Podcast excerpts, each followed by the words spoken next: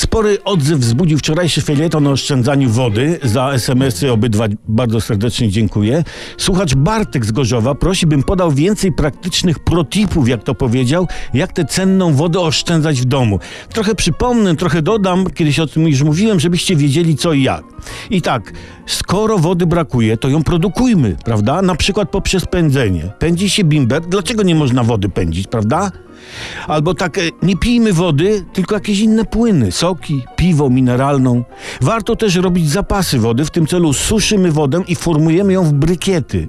W przypadku wystąpienia braku wody, brykiety wodne rozpuszczamy, no i mamy wodę.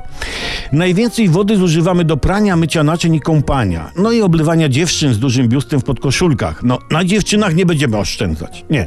Musimy więc oszczędzać na myciu, praniu i zmywaniu. Należy napuścić wody do wanny, wlać płyn do mycia naczyń, wsypać proszek do prania i sukcesywnie wrzucać do wanny dzienny utarg brudnych naczyń i odzieży.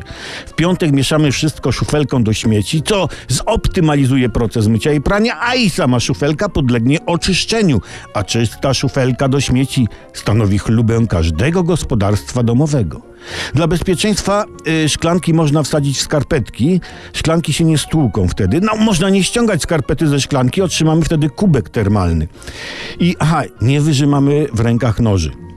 Do pozostałej y, w wannie wody wsypujemy płatki róży i odbywamy tradycyjną cotygodniową kąpiel. Jeśli będziemy tak postępować, woda odwdzięczy się nam swoim niezakłóconym występowaniem. Dziękuję.